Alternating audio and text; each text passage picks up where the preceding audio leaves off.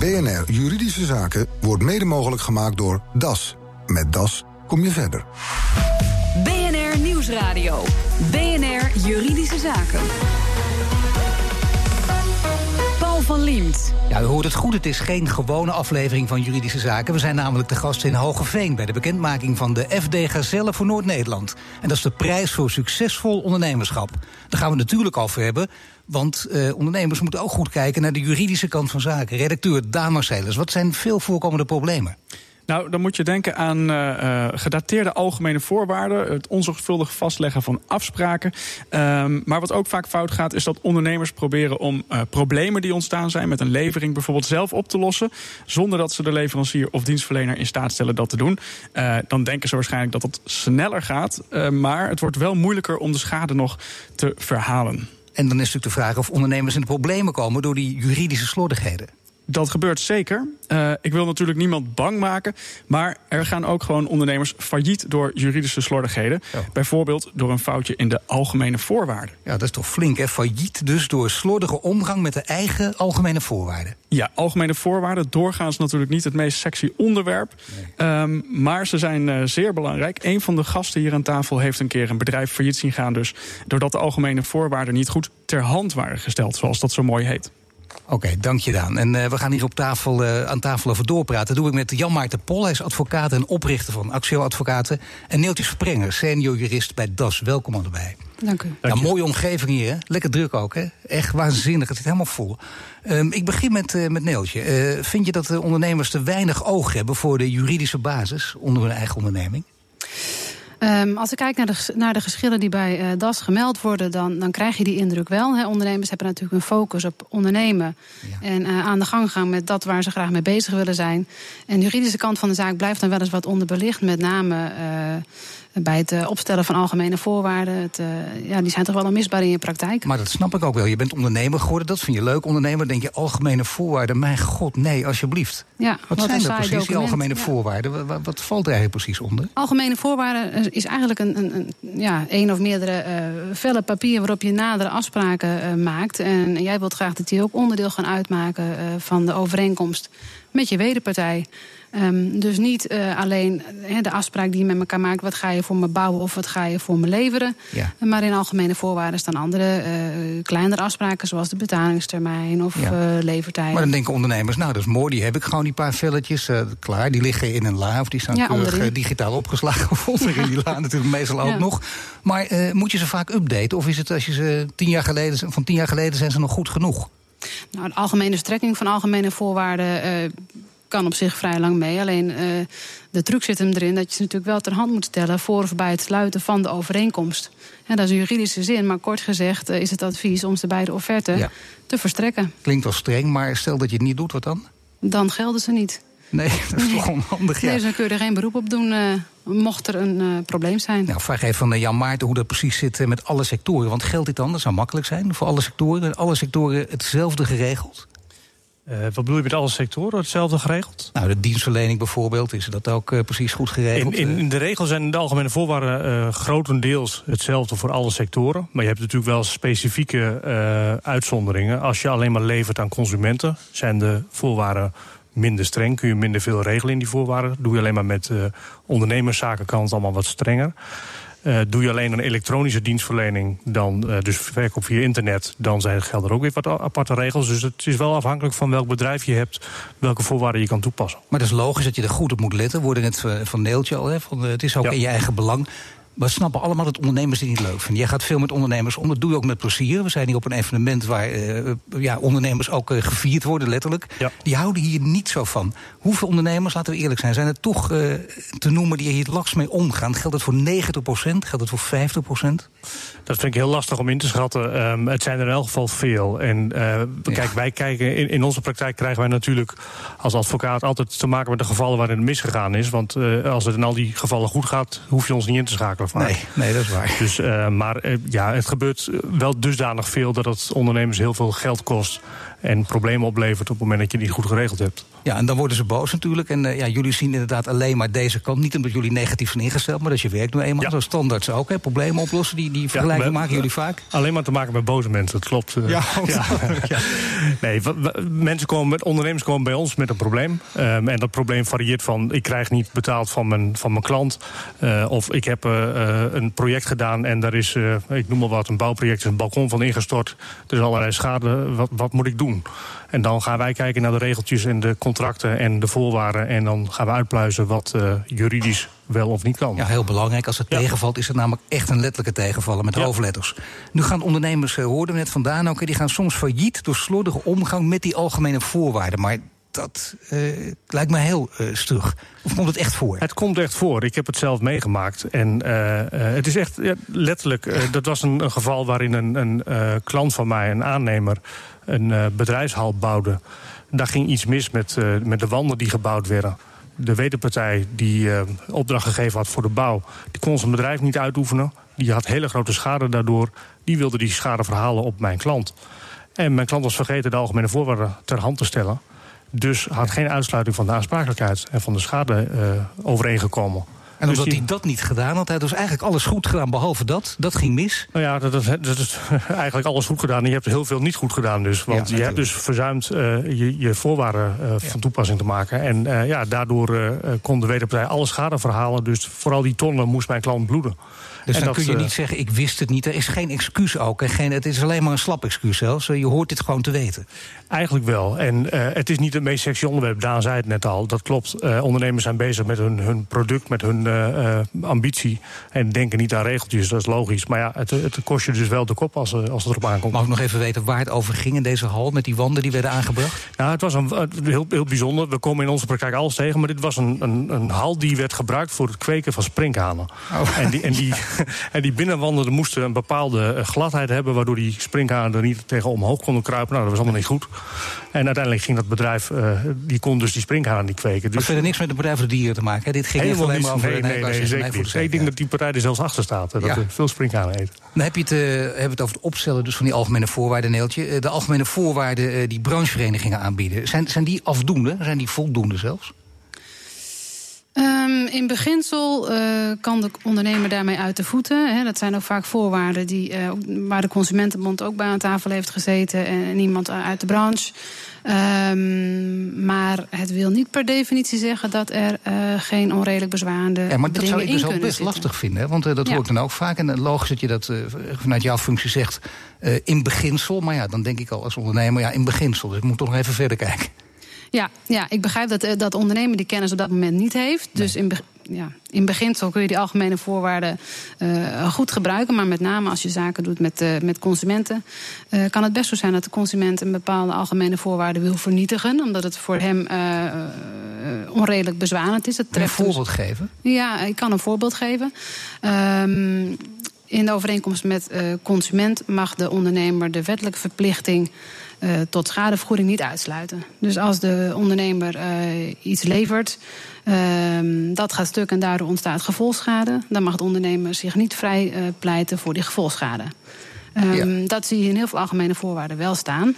In een relatie met een uh, business to business is het op zich geen probleem. Maar met consumenten staat uh, dat betreffende bedingen op de grijze lijst. Wat wil zeggen dat het vermoed wordt onredelijk bezwaar maar te zijn. Maar B2B, dus business to business, is het geen probleem. Dan hoef je eigenlijk ook nergens op te letten. Dan is dat in beginsel gewoon goed en dan geloof je het wel. Bij ja. consumenten per keer altijd uh, kijken. Ja, ja dan, dan, dan, dan, dan komt het veel strikter. En dan zal de consument toch proberen zijn schade te verhalen. En dan ja. moet een ondernemer van goede huizen komen. Nou hebben we nog iemand in het spel. Hè? Dat is namelijk de notaris. Hoe zit het met de notaris? De algemene voorwaarden, moeten die altijd bij die notaris ook worden vastgelegd?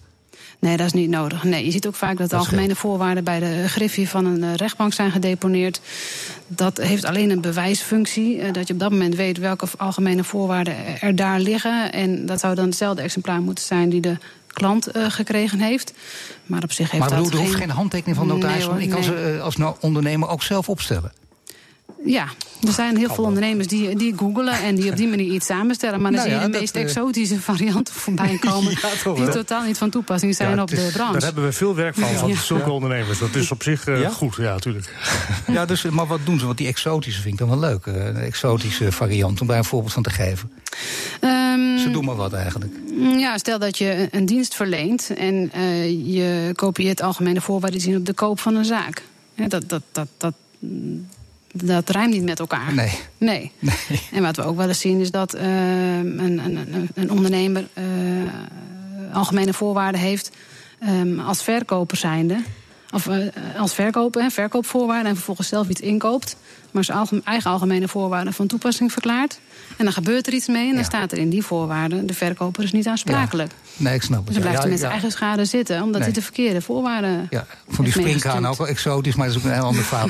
Jullie zijn allebei wel gek op ondernemers, hè? Voor de duidelijkheid. En dit zeg je ook van eh, ondernemers. Let er alsjeblieft op, want dan ben je een onderneming aan het opbouwen. Dan doe je heel goed werk en dan ben je enthousiast. En dan word je hier... Ja. Eh, Ja, klopt. waar- waarom kiezen jullie ervoor, of kies je er zelf ook voor om veel met ondernemers te werken? Wat is daar leuk aan? Ehm, ja, ondernemers die, eh, die, ja, die, die zijn van de praktijk. eh, die eh, neuzelen niet, die willen door. Uiteindelijk willen ze de zaak zo snel mogelijk Ja, oplossen. wij willen ook door. Jan Maarten, inderdaad, ze willen door. Dat Ja, zeker. ook. Ja, zaken tuurlijk. snel oplossen. Ja. En wat is nog meer leuk aan? Ik ben ook ondernemer. Ik ben zelf ondernemer. Ik kom uit een ondernemersfamilie. En het is ontzettend leuk volk. dat is, zo is het gewoon. Ja, Nee, je kan je eigen familie afvallen ook natuurlijk. Nee, Dat, uiteraard niet. Nee, zeker niet. Nee. Maar wat, wat, ik, wat mij aanspreekt aan ondernemers... ik heb ook particulieren ooit in het begin van mijn carrière bijgestaan... maar wat mij aanspreekt is dat je ze niet allemaal bij de hand hoeft te houden. En eh, die, die, zien, die zien juristerij ook als een middel om hun ambitie waar te maken. En niet als een probleem wat ze overkomt en overvalt... en waar ze mee geconfronteerd worden. Nee, niet in, in de slachtofferrol duiken. Nee, daar hou ik, Nee. nee dat, dat vind ik zelf niet leuk. Eh, ik, ik hou niet van dat type eh, ja, klant. Dat klinkt een beetje bot misschien, maar eh, dat, is, dat is wel wat op neerkomt. En ondernemers die, eh, ja, die willen graag door en nou, dat bevalt me goed. Zometeen, wanneer is iets een afspraak en wat als de leverancier zijn belofte niet nakomt? BNR Nieuwsradio. BNR Juridische Zaken. We zijn te gast in Hogeveen bij de uitreiking van de FD Gazelle voor Noord-Nederland. Allemaal succesverhalen, maar het gaat niet altijd goed. Ik praat erover met Neeltje Sprenger, senior jurist bij DAS... en Jan Maarten Pol, advocaat en oprichter van Axio Advocaten. Ja, ik begin met eh, Jan Maarten nu, eh, want nou, misschien toch met Neeltje ik beleefder. Hè? Want eh, volgens jullie gaat er vaak fout dat ondernemers afspraken niet goed vastleggen. Dat ze elkaar vertrouwen. En je zou bijna zeggen, daar zitten we op te wachten in deze tijd. Het is wel heel goed dat je elkaar vertrouwt. Ja, dat is op zich heel erg goed. Eh, je ziet het heel veel en het gaat gelukkig ook heel vaak goed. Maar de gevallen waar het misgaat, die komen dan toch eh, bij ons terecht. En dan blijkt dat er niet duidelijk bijvoorbeeld een uurtarief is afgesproken... of niet duidelijk is eh, omschreven wat, het, wat er nou precies gedaan moet worden... voor een bepaald bedrag. Of hoeveel uren... Maar als je elkaar vertrouwt, kun je daar toch makkelijk uitkomen? Of is het, leidt dat altijd in de praktijk, althans vaak, tot problemen? Nou, het- leidt gelukkig niet heel vaak tot problemen. Alleen de problemen komen bij ons. Eh, je komt in een bewijsprobleem ik zou bijna zeggen, je zou toch zonder jullie kunnen, als je, eh, Jan Maarten, als je met ondernemers te maken Ik hebt. hoop het niet. je- Ik hoop het niet. Dat snap ik dat jullie dat niet willen. Maar aan de andere kant zou ik denken, ja, als je elkaar vertrouwt, eh, kan dat gewoon. En vooral eh, ondernemers die met elkaar te maken hebben, die zeggen, nou, maak een, ik noem maar wat. Het gaat over meer werk. Ja. Ik doe wat meer, dus eh, daar heb ik geen jurist bij nodig. Nee, vertrouwen is goed, maar vastleggen is beter, zeggen we altijd maar. En Ja. eh, dat is niet voor niks, want zoals Neeltje ook net zegt... het gaat om bewijzen. Je, mondelinge overeenkomst is rechtsgeldig. Maar ja, in de rechtbank, er wordt nergens zoveel gelogen als in de rechtbank... zeggen mensen ook wel eens. want je moet het maar hard zien te maken uiteindelijk. En, Ja, ja, fijn om dat in het programma Juridische Zaken ook nog even te Ja, nou ja, benadrukken. goed. eh, ik kan het niet meer mooier maken dan het is natuurlijk. Nee. nee. Neeltje, ehm, gaat het nou om producten of eh, eh, leveren of een dienst verlenen? Als het gaat om, om, om vertrouwen en de zaken die je hoe dan ook het beste kunt vastleggen. Dat zie je zowel bij het eh, leveren van diensten als het leveren van eh, producten. Ik heb net nog een, eh, een, heb ik een procedure gestart eh, waarbij een verzekeringsadviseur eh, had afgesproken jaarlijks advies te leveren tegen een bepaald tarief. Alleen het tarief was niet afgesproken. Oh. Ja, dus dan, dan ga je en dan stuur je er zijn werkzaamheden verricht. Dat is allemaal duidelijk, wordt ook niet betwist. Alleen er is geen duidelijke prijsafspraak. Dus dan moet je terugvallen op, op de wet. Ja, dus de schade kun je alleen op die manier dan verhalen. Ik snap alleen, ik begrijp ook alleen zelfs dat, dat, dat eh, ondernemers denken... maar ik heb niet zo'n zin om alles op papier vast te leggen. Dat kost allemaal tijd. Hoe minder papierwerk, hoe beter. Ja. Wat zeggen jullie tegen die ondernemers? Eh, wel doen. Een mailtje is zo gestuurd. Ja. Hierbij bevestig ik wat we zojuist besproken hebben. Ik ga Ja. voor je aan de slag. Ja, klink- klinkt mij al als te veel, maar ik begrijp dat je gelijk hebt. Dat je gewoon dit moet doen, want het scheelt enorm op termijn. Ik bedoel, eh, Ja. drie van dit soort regeltjes en eh Ja. dat kan je tienduizenden euro's schelen. Ja, als je klant vervolgens de afspraak ontkent of betwist, dan, dan ga je. Nou heb je ook de kwestie van de ingebrekenstelling, moet ik even duidelijk zeggen. Ondernemers proberen vaak om problemen dus zelf op te lossen, zonder de wederpartij in gebreken te stellen. En, waarom is dat, eh Jan Maarten, waarom is dat onverstandig? Omdat de wet heel duidelijk zegt dat als je vindt dat de andere partij zijn afspraken niet nakomt, je een keer in de gelegenheid moet stellen om het alsnog goed te doen. Dus je kunt niet zomaar zeggen van je doet niet wat we afgesproken hebben, ik ga naar een ander toe. Je moet eerst nog even terug naar die partij en zeggen: luister, we hadden dit afgesproken, je doet het niet. Ik geef je nog even een week, twee weken om alsnog na te komen. En doe je dat niet, dan ga je inderdaad nat bij de rechter. Daar ga je nat bij de rechter. En wat betekent dat dan, nat gaan bij de rechter? Dat levert je enorme hoge geldboetes bijvoorbeeld op? Of kun je ook achter slot en grendel verdwijnen? Nou, slot en grendel gaat heel ver. We hebben het over civielrecht en dan gaat het eigenlijk alleen maar over geld. En, eh, maar dat kan je dus inderdaad geldboetes kosten als dat afgesproken is. Dat kan je schadevergoeding kosten. Eh, allemaal ellende. Nou, andere ellende heeft natuurlijk te maken met wanbetalers. Komt ook vaker voor dan we denken. Eh ieder ondernemer kent ze. Maar eh daarna handelen, dat vinden ondernemers dan heel lastig. Hoe, hoe komt dat, eh Neeltje? Je zou zeggen, ja, een wanbetaler, dat is niet zo moeilijk om je even op Nee, zijn nee, maar het is toch een klant van de ondernemer. En ze willen de klantrelatie proberen zo goed mogelijk te houden. En dat wil je niet direct op de, op de spits drijven. Maar wij adviseren wel om inderdaad een hele duidelijke debiteurenbeheerbeleid te voeren. En als je dat eenmaal in je, in je proces, in je werkproces hebt, hebt ingeburgerd, dan, eh, dan weten klanten dat. Dan heb je je zaakjes goed geregeld. Maar hoe doe je dat? Een duidelijk eh debiteurenbeleid eh, hanteren? Ja, je zou eigenlijk moeten agenderen wanneer de betalingstermijn verstreken is van de factuur. Dan direct een herinnering sturen met de betalingstermijn. Vervolgens aanmanen, eh incassokosten aanzeggen. En als het dan nog niet betaald wordt, dan ook aanzeggen of aangeven dat je het uit handen gaat geven. Ja, toch lijkt mij deze, die begrijp ik heel goed. Maar ik kan me ook voorstellen, als je dan toch eh, de relatie met de klant goed wil houden... dat je denkt, nou, dat even wachten of ik dat wel moet doen. Dat kan ook tot irritatie leiden. Oh, er komt er weer eentje, er komt meteen nu al de aanmaning. Ja. Of ik kan, Ja. eh, hoe, hoe kun je dat oplossen? Door dat toch op een wat, wat charmantere manier te doen? Eerst even bellen. Goh, heb je mijn factuur ontvangen? Ik heb nog geen betaling gekregen. Ja, even kijken. Ja, maar het is dat toch de beste methode om het wel zo... Het lijkt heel flauw, maar toch denk ik dat dat wel scheelt natuurlijk. Als je wil, je wil en dat er betaald wordt en je wil de relatie goed houden. Dat je het toch op deze manier aanpakt. Ja, eh, kijk, communicatie is heel belangrijk ook bij eh, de, het zaken doen tussen bedrijven. En dan kan een telefoontje vaak meer doen dan formele eh, brieven en mailtjes. Maar eh, dat laatste zou ik gewoon altijd doen. Je hebt softwarepakketten, de boekhoudpakketten die dat gewoon automatisch doen. En je kunt ook altijd tegen je klant zeggen: luister, ik doe mijn werk netjes. Eh, ja, mijn administratie die verstuurt die dingen.